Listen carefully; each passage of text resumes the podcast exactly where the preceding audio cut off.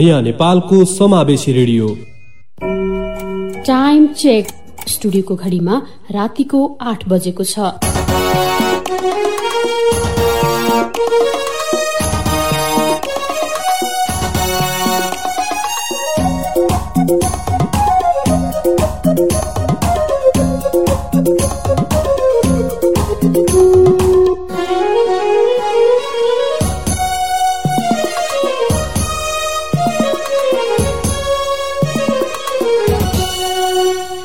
नमस्कार। नेपाल एफएम नेटवर्कको नेपाल सेरोफेरोमा प्रकाश बस्याल र शोभा घिमिरेको हार्दिक स्वागत छ।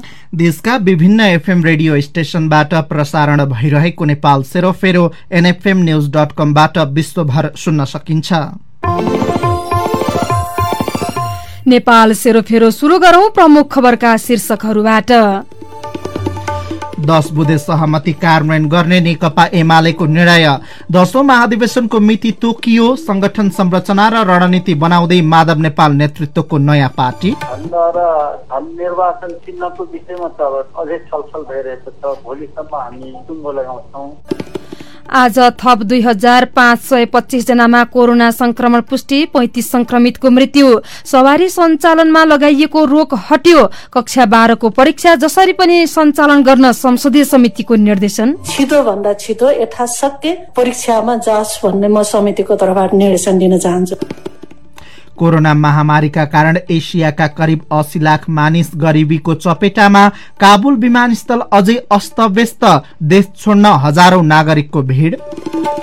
र एएफसी महिला एसियन कप दुई हजार बाइस छनौटका लागि नेपाली महिला टोलीको घोषणा डिफेन्डर रञ्जित धिमालद्वारा मचिन्द्र क्लबसँगको सम्झौता नवीकरण। सकारात्मक सामाजिक रूपान्तरणको पौरख रेडियो संचारको गौरव के गाउँ के सहर सारा नेपालीको एउटै रहर नेपाल एफएम नेटवर्क। अब पूरा खबर। लामो विवादपछि नेकपा एमाले दुई हजार पचहत्तर जेठ दुई गतेमा नै फर्किएको छ। नेकपा एमालेको स्थायी कमिटिको बैठकले वैधानिक रूपमा दश बुधे सहमति कार्यान्वयन गर्ने निर्णय गरेसँगै एमाले नौ महाधिवेशन पछिको संरचनामा फर्किएको हो। पूर्व प्रधानमन्त्री माधव कुमार नेपाल छाडेका दश स्थायी कमिटी नेताहरू सहित बसेको बैठकले दश बुधे सहमति कार्यान्वयन गर्ने निर्णय गरेको हो। पार्टीको निर्णय अनुसार एमाले पार्टी संरचना दुई जेठ दुई हजार पचहत्तर अगाडिको अवस्थामा क्रियाशील हुने। एमालेका सचिव प्रदीप कुमार गेवालीले जानकारी दिनुभयो। जुन दस बुधे प्रस्ताव कार्यदलले तयार गरेको थियो दुई हजार अठहत्तर असार सत्ताइस गते त्यसको कार्यान्वयनको विषयसँग सम्बन्धित पार्टीको पक्षमा रहेर क्रियाशील हुने केन्द्रीय निकाय प्रदेश समन्वय कमिटी जिल्ला कमिटी लगायत सबै तहका पदाधिकारी र सदस्यहरूलाई दुई हजार पचहत्तर साल जेठ दुई गते पूर्वको जिम्मेवारीमा क्रियाशील हुन निर्देशन दिने दस बुधे प्रस्तावलाई सन्दर्भ सामग्रीका रूपमा मातहत कमिटी तथा पार्टी सदस्यहरू समक्ष प्रेषित गर्ने दस बुधे प्रस्तावमा आधारित निर्णय कार्यान्वयन गर्ने क्रममा उत्पन्न हुन सक्ने समस्याहरू समाधान गर्न केन्द्रीय कमिटिमा त्यसले दस प्रतिशत मनोनयन गर्ने पनि सुझाव दिएको छ र केन्द्रीय निकाय तथा विभागहरूलाई पूर्णता दिन र आवश्यकता अनुरूप पुनर्गठन गर्ने गृह कार्य गर्ने एउटा कार्यदल बनाइएको छ। कार्यदलमा कमरेडर ईश्वर पोखरेल भीम रावल विष्णु पौडेल घनश्याम भूषाल सुरेन्द्र पाण्डे र लेखराज भट्ट रहनु भएको दुई हजार पचहत्तर साल जेठ दुई गतिको सदस्यतालाई आधार मानेर पार्टी सदस्यता नवीकरण अगाडि बढाइनेछ। पार्टीको विधान महाधिवेशन असौज चार पाँच र छ गते काठमाडौँमा गर्ने। दशौं राष्ट्रिय महाधिवेशन दुई हजार अठहत्तर साल मङ्सिर दस एघार र बाह्र गते काठमाडौँमा आयोजना गर्ने निर्णय गरिएको छ। उहाँ हुनुहुन्थ्यो एमालेका प्रवक्ता प्रदीप कुमार गेवाली। एमाले मंगिर दसदेखि बाह्र गते दशौं महाधिवेशन गर्ने निर्णय गरेको जानकारी दिनुहुँदै त्यस्तै असो चारदेखि छ गतेसम्म विधान महाधिवेशन गर्ने निर्णय पनि भएको उहाँले बताउनुभयो। बैठकले भदौ सोह्रदेखि बीस गतेसम्म जिल्ला र जनसंगठनहरूको भेला गर्ने पनि निर्णय गरेको छ। त्यसअघि दश भदौमा केन्द्रीय कमिटी बैठक बस्ने पनि एमाले स्थायी कमिटिले तय गरेको छ। एमाले पार्टी विभाजन गरेर गएकाहरूलाई बाटो बिराएको भन्दै पार्टीमा फर्कन पनि आह्वान गरेको छ।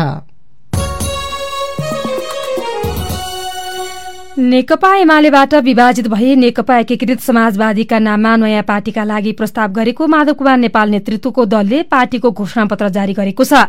निर्वाचन आयोगमा शनाखत अघि एमालेबाट विभाजित नेताहरूले चन्द्रगिरी हिल्सको भेलाबाट नेकपा एकीकृत समाजवादीको विधान निमावली र घोषणापत्र पारित गरेको हो।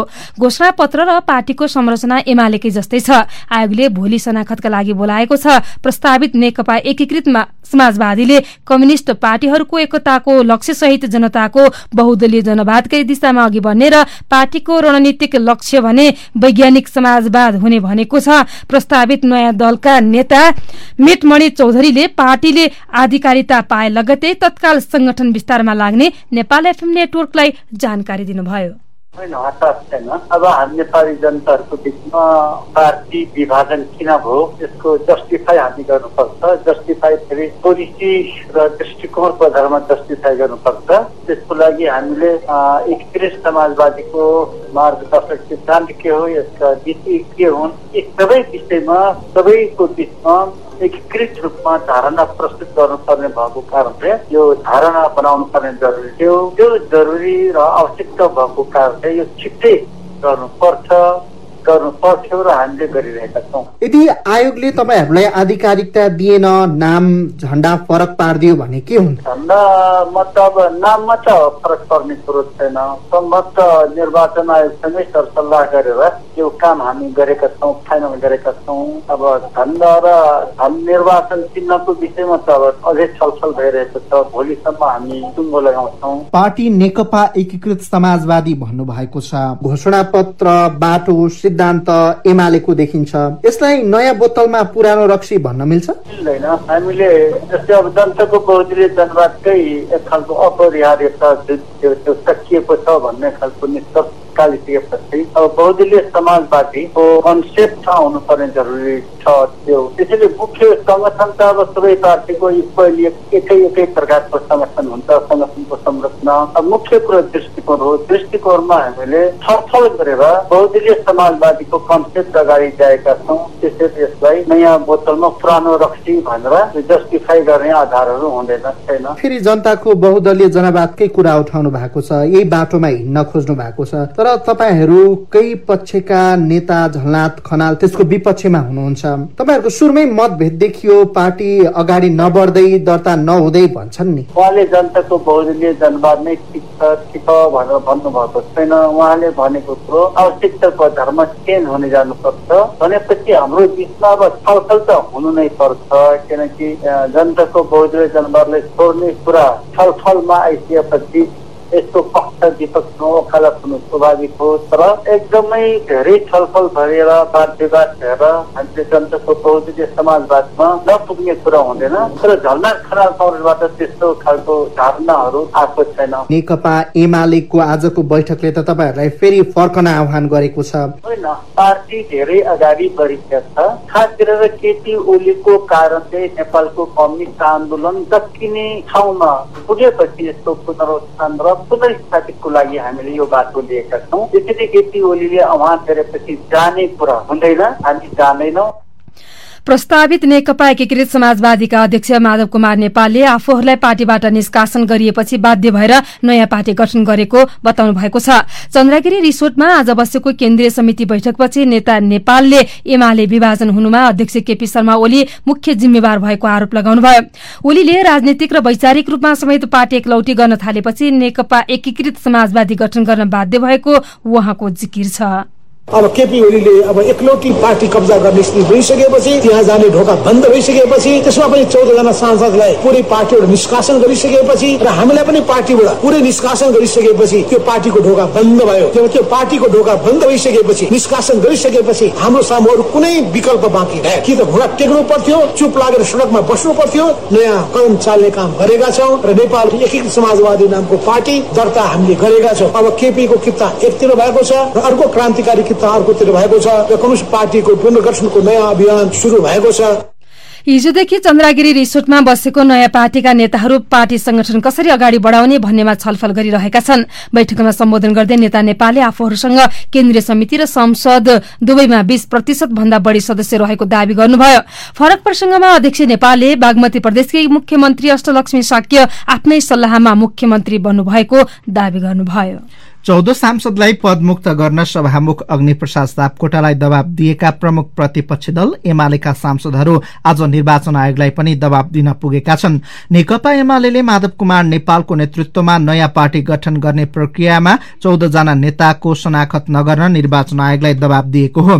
पार्टीले कार्यवाही गरेकाले माधव नेपाल सहित चौध नेतालाई शनाखतमा समावेश नगराउन ध्यानकर्षण गराएको एमाले नेता अग्नि खरेलले जानकारी दिनुभयो। हामीले निर्वाचन आयोगलाई पनि भनेका छौँ। कि ती चौधजना व्यक्तिहरू जसले हुइप उल्लङ्घन गरेका छन् र जसले पार्टीको निर्देशन लागू नगरेर हुइप उल्लङ्घन गरेका छन् कारवाही गरिएको छ तिनीहरूलाई कारवाही गरिनुपर्छ भनेर हामीले भनेका छौँ। र तिनीहरूको नामलाई पनि समावेश नगरियोस् र तिनीहरूलाई चाहिँ नाम समावेश गरेर उनीहरूलाई शनाखत गराउने प्रक्रियामा संलग्न नगराइयोस्। यो कुरोले मुलुकको लोकतन्त्रलाई बलियो बनाउँछ। यो लोकतन्त्र बनाउने बलियो बनाउने काममा नै निर्वाचन आयोग लाग्छ भन्ने हामीलाई विश्वास छ भने हामीले आफ्नो यो कुरा राखेका छौँ। र चौथो कुरा चाहिँ शनाखतको प्रक्रियामा नेकपा एमालेलाई पनि समावेश गर्न जरुरी हुन्छ। एमाले निर्वाचन विभाग प्रमुख अग्नि खरेल निर्वाचन कमिटी सचिव बाबुराम दाहाल सहितको टोली निर्वाचन आयोग पुगेर भोलि हुने शनाखतमा पार्टीले कार्यवाही गरेका र अन्य व्यक्तिको हस्ताक्षर गैर कानूनी हुने जिकिर गरेको हो। निर्वाचन आयोगले भने प्रक्रियामा शनाखतका लागि बोलाएकाले शनाखत रोक्न नमिल्ने जनाएको छ। पार्टीको आधिकारिकता पनि छिट्टै टुङ्गो लाग्ने आयोगका सहप्रवक्ता कोमल प्रसाद धमलाले नेपाल एफएम नेटवर्कलाई जानकारी दिनुभयो। शनाखतका लागि भोलि साढे एघारदेखि दुईसम्म बोलाइसकेका छ। बोलाएपछि जो जो अस्ति दर्जनले सही गर्नु भएको छ त्यो त्योहरू आएर सही गर्ने हो त्यसलाई भेरिफाई गर्ने हो भोलिको काम त्यही। सर यो दलको टुङ्गो आयोगले चाहिँ कसरी टुङ्ग्याउँछ? त अब शनाखत गरिसकेपछि अनि आयोगले निर्णय गर्छ दर्ता गर्ने नगर्ने बारेमा। अब नगर्ने भन्नाले अब अरू केही डकुमेन्टहरू थप केही पुष्टि गर्नु पर्यो सोध्नु पर्यो भने सोध्छ नभए आयोगले निर्णय गरेर दर्ता यो समय चाहिँ कति जति लाग्छ प्रक्रिया? प्रक्रियाको लागि? होइन यस्तो छ। कानुन त पैँतालिस दिनको समय हुन्छ होइन? दर्ताको निवेदन दिएपछि तर त्यो अब अधिकतम पैँतालिस दिन हो।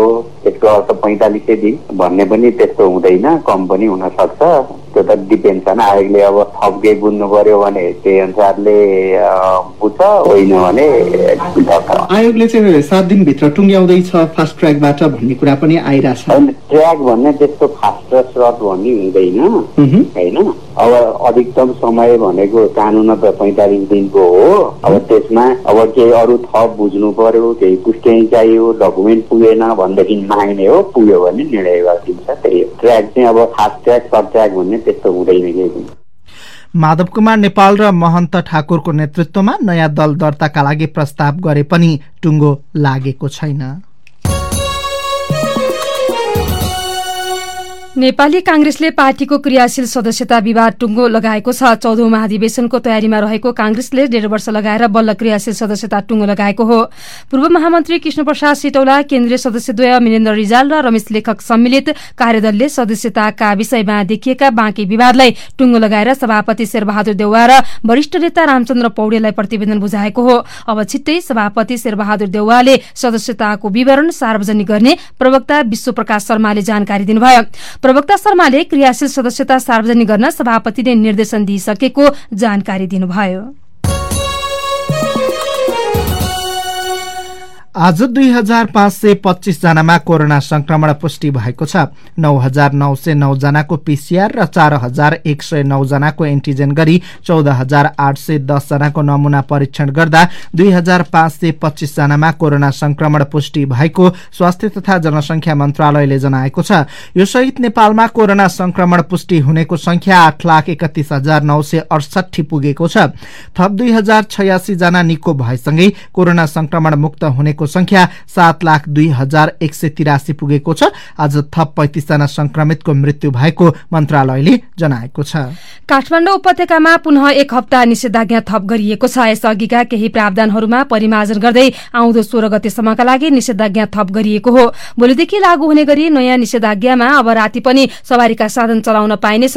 यसअघि राति आठ बजेपछि अत्यावश्यक काम बाहेक सवारी चलाउनमा प्रतिबन्ध लगाइएको थियो। स्थानीय ढुवानीका साधनहरू भने बिहान नौ बजेदेखि एघार बजेसम्म र दिउँसो चार बजेदेखि सात बजेसम्म सञ्चालन गर्न नपाइने काठमाडौँका प्रमुख जिल्ला अधिकारी कालीप्रसाद पराजुलीले नेपाल एफएम नेटवर्कलाई जानकारी दिनुभयो। हामीले हप्ता थप गरेका छौँ होइन साथी बमोजिमी सबै कुराहरू नै छ त्यसमा एउटा हटाएको विषय चाहिँ अब यो जुन आठ बजीसम्म आफ्नो गन्तव्य स्थानमा पुगिसक्नुपर्छ भन्ने थियो सवारी साधनहरूलाई त्यो चाहिँ अहिले हटाएको अवस्था छ अब भर्चुअल सम्भव भएसम्म भर्चुअल बैठक गर्ने नभए चाहिँ पच्चिसजनासम्म अब स्वास्थ्य प्रोटोकल पालना गरेर गर्ने भन्ने मोटामोटी कुराहरू अरू साबिक बमोजिमी छ थपिएको निषेधाज्ञामा सबै प्रकारका सभा सम्मेलन party palace cinema hall dance bar दोहोरी नाच घर क्लब स्विमिङ पुल मनोरञ्जन स्थल संग्रहालय रंगशालामा हुने दर्शक सहितको खेलकुद र मानिसहरूको भीड़भाड़ हुने अन्य कार्यक्रम सञ्चालन गर्न गराउन नपाइने जनाइएको छ। विद्यालय र विद्यार्थी नै नभएका ठाउँमा तलब खाँदै शिक्षक विद्यार्थी अहिले पो छैन त सर। भोलि पर्सि होला नि त फेरि। अनि फेरि खाने चाहिँ गरेपछि त पछि अनि कहाँबाट लिएर आउनु शिक्षामा अनियमितता रिपोर्ट संसदभित्रै महिलाको महिला हिंसाको महसुस गर्नु परेको सांसदको गुनासो लगायतका प्रसंग बाँकी नै छन्। नेपाल एफएम नेटवर्कको नेपाल सेरोफेरो सुन्दै गर्नुहोला। हरेक कदमको सहयात्री अजोट इन्सुरेन्स घर होस् या गाडी पशु पंक्षी तथा कृषि। व्यापार व्यवसाय होस् या उद्योग औषधि उपचारदेखि विदेश यात्रासम्मको सुरक्षित शुभ साइटको सुरुवात गरौँ अजोट इन्सुरेन्स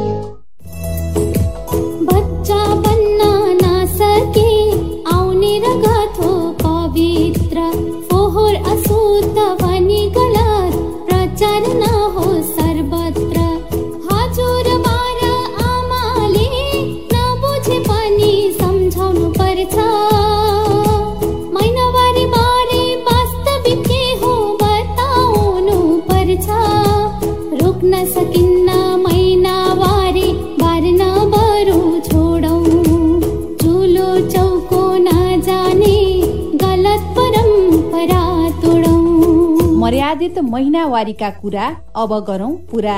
राधा पौडेल फाउन्डेसन र नेपाल एफएम नेटवर्क। तपाईँ अहिले नेपाल एफएम नेटवर्कले काठमाडौँमा तयार पारेको नेपाल सेरोफेरो सुन्दै हुनुहुन्छ। अब बाँकी खबर। संसदको शिक्षा तथा स्वास्थ्य समितिले कक्षा बाह्रको परीक्षा भौतिक रूपमा गर्न सरकारलाई निर्देशन दिएको छ। समितिको आजको बैठकले शिक्षा विज्ञान तथा प्रविधि मन्त्रालयलाई परीक्षा गराउने व्यवस्था गर्न निर्देशन दिएको हो। अन्य तहका परीक्षाहरू सञ्चालन भइरहेको अवस्थामा कक्षा बाह्रको परीक्षा मात्र पटक पटक स्थगित हुँदा विद्यार्थीहरूमा भविष्यप्रतिको चिन्ता थपिनुका साथै मानसिक असर पनि परिरहेकाले खोपको व्यवस्थापन गर्दै स्वास्थ्य मापदण्ड पालना गरी यथाशीघ्र होम सेन्टरमै परीक्षा गराउने व्यवस्था गर्न समिति सभापति जयपुरी घरतीले निर्देशन दिनुभयो। बाह्रको परीक्षा चाहिँ छिटो भन्दा छिटो गर्ने खोप व्यवस्थापन अन्य स्वास्थ्य मापदण्ड प्रयोग गरेर छिटो भन्दा छिटो यथाशक्य परीक्षामा जाओस् भन्ने म समितिको तर्फबाट निर्देशन दिन चाहन्छु। किनकि क्वेसन पेपर तयार भएको छ सबै भएको छ। विद्यार्थीहरू अहिले अरू बेला जस्तो सहज तरिका जस्तो धेरै पढाइ पनि छैन जस्तो लाग्छ। अहिले जे तयारी गरेका छ त्यो तयारी आधारमा मात्रै एउटा कारणले हाम्रो यो परीक्षा स्थगित भएको कोभिडको कारणले। त्यस कारणले यो कोभिडको विषयमा खोपको विषयमा पनि सरकारले तयारी गरेका छौँ भनेको छ तर छिटो भन्दा छिटो खोप व्यवस्थापन गर्नु पर्यो यस्तै संघीय संसदको राष्ट्रिय सभा अन्तर्गतको दिगो विकास तथा सुशासन समितिले दिगो विकासका लक्ष्य प्राप्तिका लागि सशक्त राजनीतिक संयन्त्र बनाउन सरकारलाई निर्देशन दिएको छ। समितिको आजको बैठकले दिगो विकास लक्ष्य प्राप्तिका लागि सशक्त राजनैतिक संयन्त्र र प्रतिबद्धता खाँचो भएकाले यसमा ध्यान दिन सरकारलाई निर्देशन दिएको हो। दिगो विकास लक्ष्य हासिल गर्ने सवालमा सरकारको प्रतिबद्धता अनुसार राष्ट्रिय योजना आयोगले प्रभावकारी अनुगमन र कार्यान्वयन गर्न पनि समितिले निर्देशन दिएको सभापति तारादेवी भट्टले जानकारी दिनुभयो। विकास लक्ष्यहरू हासिल गर्ने सवालमा र सरकारको प्रतिबद्धता अनुसार योजना आयोगले प्रभावकारी अनुगमन र कार्यान्वयनको लेखाजोखा राम्रोसँग सफल होस् भनी सुझाव र शुभकामना दिन चाहन्छु। हामी नियमित टिको विकास तथा दिगो विकास लक्ष्य सम्बन्धमा जोडिरहनेछौँ र समीक्षा पनि गरिरहनेछौँ। बैठकमा राष्ट्रिय योजना आयोगका उपाध्यक्ष विश्वनाथ पौडेलले राजनीतिक नेतृत्वले देशलाई विकासको गतिमा लैजाने सवालमा अकल्पनीय काम गर्न सक्ने भएकाले दिगो विकास लक्ष्य हासिल गर्ने सवालमा पनि सशक्त राजनीतिक संयन्त्र र प्रतिबद्धताको खाँचो रहेको औल्याउनुभयो सामान्यतया शिक्षकका लागि विद्यार्थी चाहिन्छ। विद्यालय भएपछि विद्यार्थी हुन्छन् भन्ने मान्यता राखिन्छ। तर मनाङमा विद्यार्थी नभई विद्यालयमा शिक्षकले तलब खाइरहेका छन्। प्रदेश नम्बर दुईका जिल्लामा विद्यालय नलागी खाजा खर्चमा स्थानीय सरकारले लाखौं रूपियाँ खर्च पनि गरेका छन्। मनाङको नार्पाभूमि गाउँपालिका फु आधारभूत विद्यालयमा यस्तो घन्टे कहिल्यै बज्दैन किनभने विद्यालय भए पनि विद्यार्थी छैनन् तर त्यही विद्यालयमा दुई स्थायी र एक करार शिक्षक जागिर भने खाइरहेका छन्। गएको वर्ष मात्रै तलब भत्ता बनेर बाह्र लाख पैसठी हजार खर्च भएको छ। पालिका मार्फत भएको त्यो खर्च महालेखा परीक्षकको कार्यालयले प्रतिवेदनमा उल्लेख गरेको छ। नार्पाभूमि गाउँपालिकाका उपाध्यक्ष मिङमा छिरिङ लामा भने विद्यालय नभएकाले विद्यार्थीलाई फिर्ता ल्याउने गरी अरू ठाउँमा पढ्न पठाएकाले विद्यार्थी नदेखेको तर्क गर्नुहुन्छ। विद्यार्थीको संरचना के पनि छैन। दरबन्दी चाहिँ भएको तर चाहिँ संरचना चाहिँ नभएर चाहिँ अहिले विद्यार्थीहरू भए तापनि सबै यहाँ तल तल पठाइरहेको। तर अहिले चाहिँ हामीले विद्यालयको भवनहरू पनि हामीले आफैले बनाएर यसपालिदेखि चाहिँ मन्देश्वरी पनि सञ्चालन गरेर पढाइसकेको अवस्था आठजना दरबन्दी मात्रै हो। अब एउटा करारमा छ चार्जमा एकजना करारमा एकजना राखेको छ। त्यसपालि स्कुल पनि खोलेर मन्देश्वरी पनि राखेर अहिले सबै भइसकेको छ। मनाङकै निस्याङ गाउँपालिका अन्तर्गत गाउँ आधारभूत विद्यालयमा पनि एकजना पनि विद्यार्थी छैन। तर त्यो विद्यालयका आठजना स्थायी शिक्षकहरूलाई वार्षिक तलब भत्ता गरेर पैतिस लाख छयासी हजार भुक्तानी भएको देखिन्छ। त्यसको सोधी खोजी गर्दा गाउँपालिकाका उपाध्यक्ष मेङ गुरुङ लामाले अनौठो बाध्यता सुनाउनु भयो कसरी गर्नुभयो? अब शिक्षक दरबन्दी भएपछि त दिनु पर्यो नि दोहोरो तलब कसरी पाउँछ भने कि सर? एउटै त हो नि तलब पाउने त। विद्यार्थी अहिले पो छैन त सर। भोलि पछि होला नि त फेरि। अनि फेरि खारेजै गरेपछि त पछि अनि कहाँबाट लिएर आउनु स्कुल फेरि? सरकारले के भने? अहिले विद्यार्थी नहुँदा टिचर नराख्ने पछि विद्यार्थी हुन साथ टिचर राख्ने भनेर त्यो निर्णय गरेर नीति बनाउनु पर्यो। कि त त्यहाँ टिचरको दरबन्दी भएर त्यो टिचरहरूलाई अरू ठाउँमा काजमा खटाइनु पर्यो विद्यालयमा विद्यार्थी छैनन् तर आठजना शिक्षकले तलब भत्ता लिइरहने अवस्थामा संघीय सरकारको शिक्षा मन्त्रालयलाई जानकारी छैन त? जानकारी छ तर संघीय सरकार स्थानीय तहतिर औला देखाइरहेको छ। विद्यार्थी नभएको अवस्थामा विद्यालय मर्ज गर्ने खारेज गर्ने सम्पूर्ण अधिकार स्थानीय तहको क्षेत्राधिकार भित्र पर्ने भएकाले शिक्षा मन्त्रालयले चासो नदिएको शिक्षा विज्ञान तथा प्रविधि मन्त्रालयका प्रवक्ता दीपक शर्माले जानकारी दिनुभयो। संघीयता आइसकेपछि विद्यालयको व्यवस्थापन स्थानीय तहको एकल भएपछि विद्यालय न विद्यार्थी नभएका विद्यालय बन्द गर्ने मर्ज गर्ने त्यसलाई विद्यालयलाई स्थानान्तरण गर्ने कक्षा थप्ने घटाउने स्वीकृति दिने नदिने सबै अधिकार चाहिँ स्थानीय तह। कोरोना महामारीका कारण विद्यालय बन्द रहेको बेलामा समेत प्रदेश दुईका केही स्थानीय तहले दिवा खाजाका नाममा करिब दस करोड़ निकासा गरेको पाइएको छ। धनुषा सिरा रौतडका स्थानीय तह त्यसमा पनि अगाडि छन्। त्यसलाई महालेखाको प्रतिवेदनले अनियमितता भनेको छ। Bhupendra Shah Nepal FM network Kathmandu.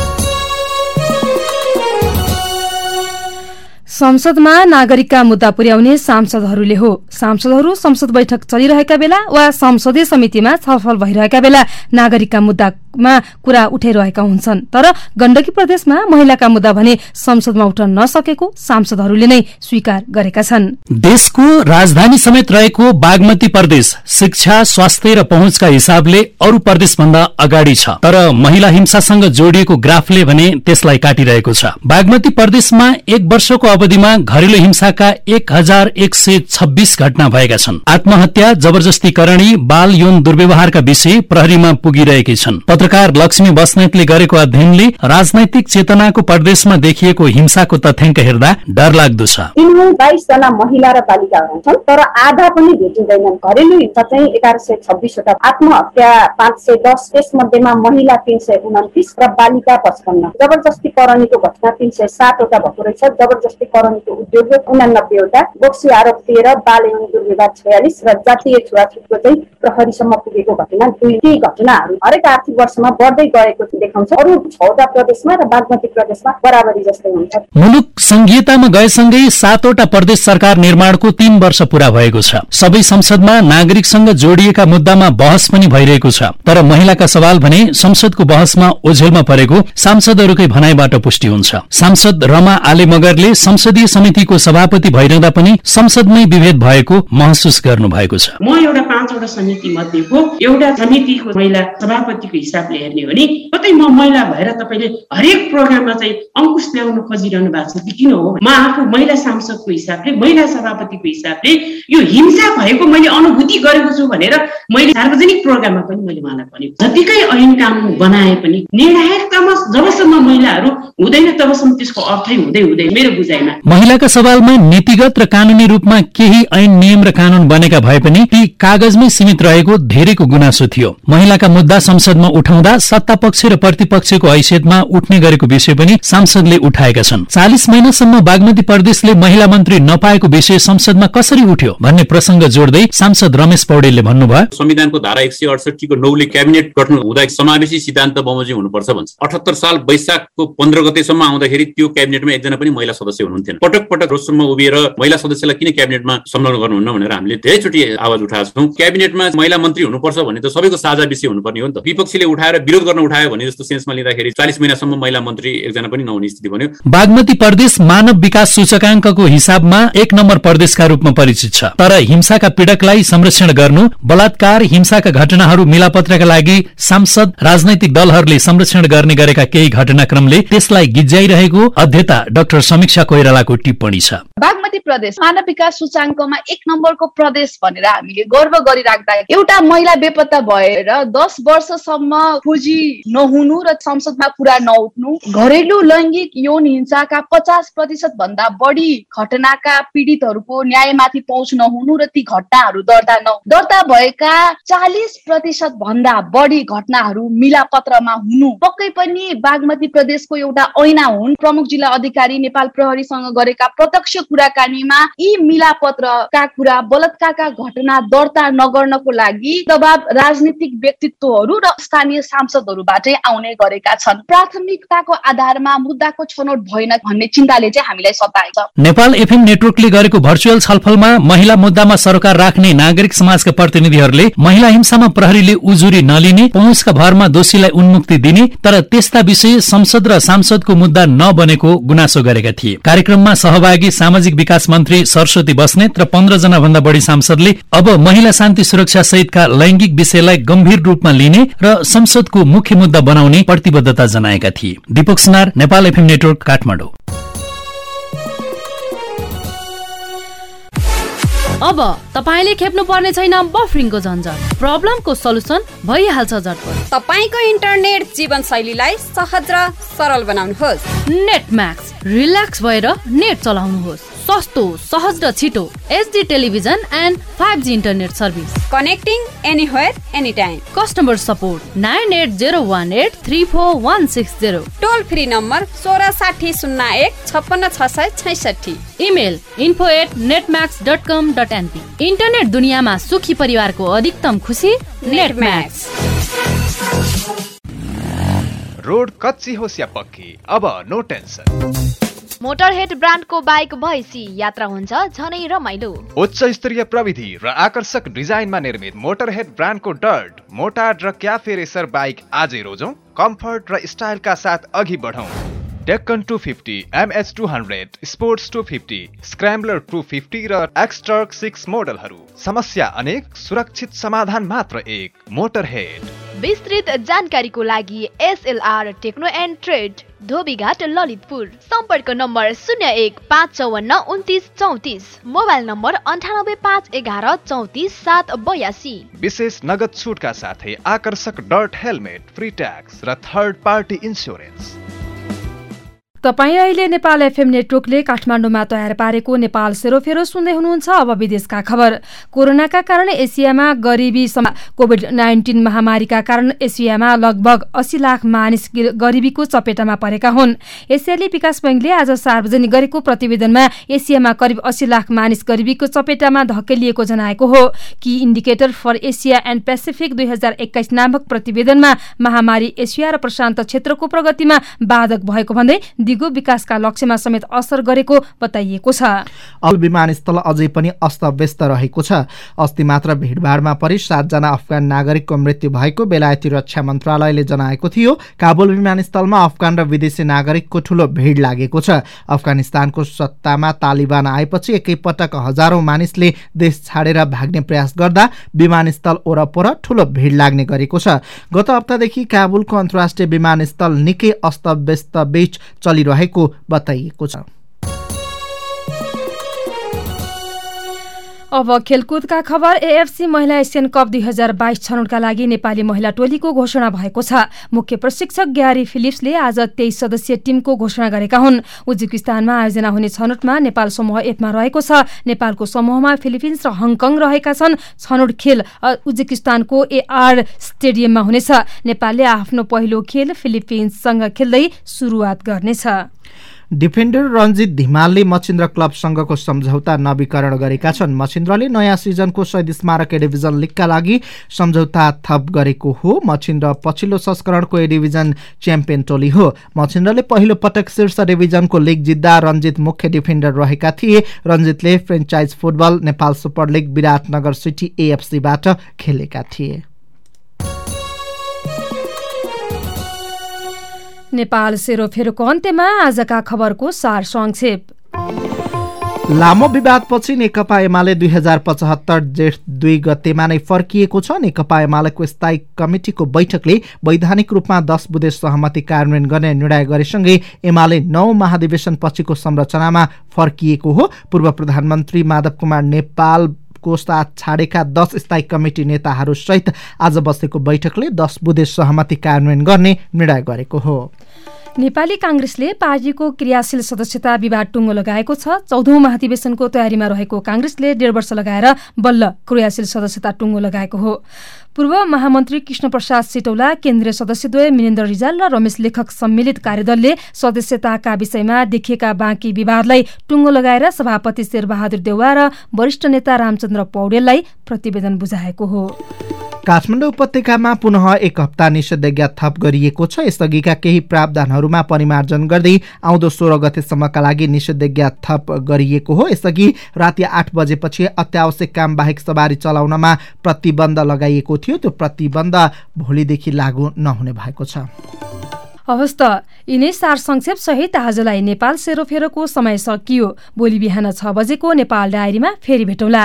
आजलाई प्राविधिक साथी सिर्जना भुजेलसँगै हामी पनि बिदा हुन्छौ। नमस्कार शुभरात्री।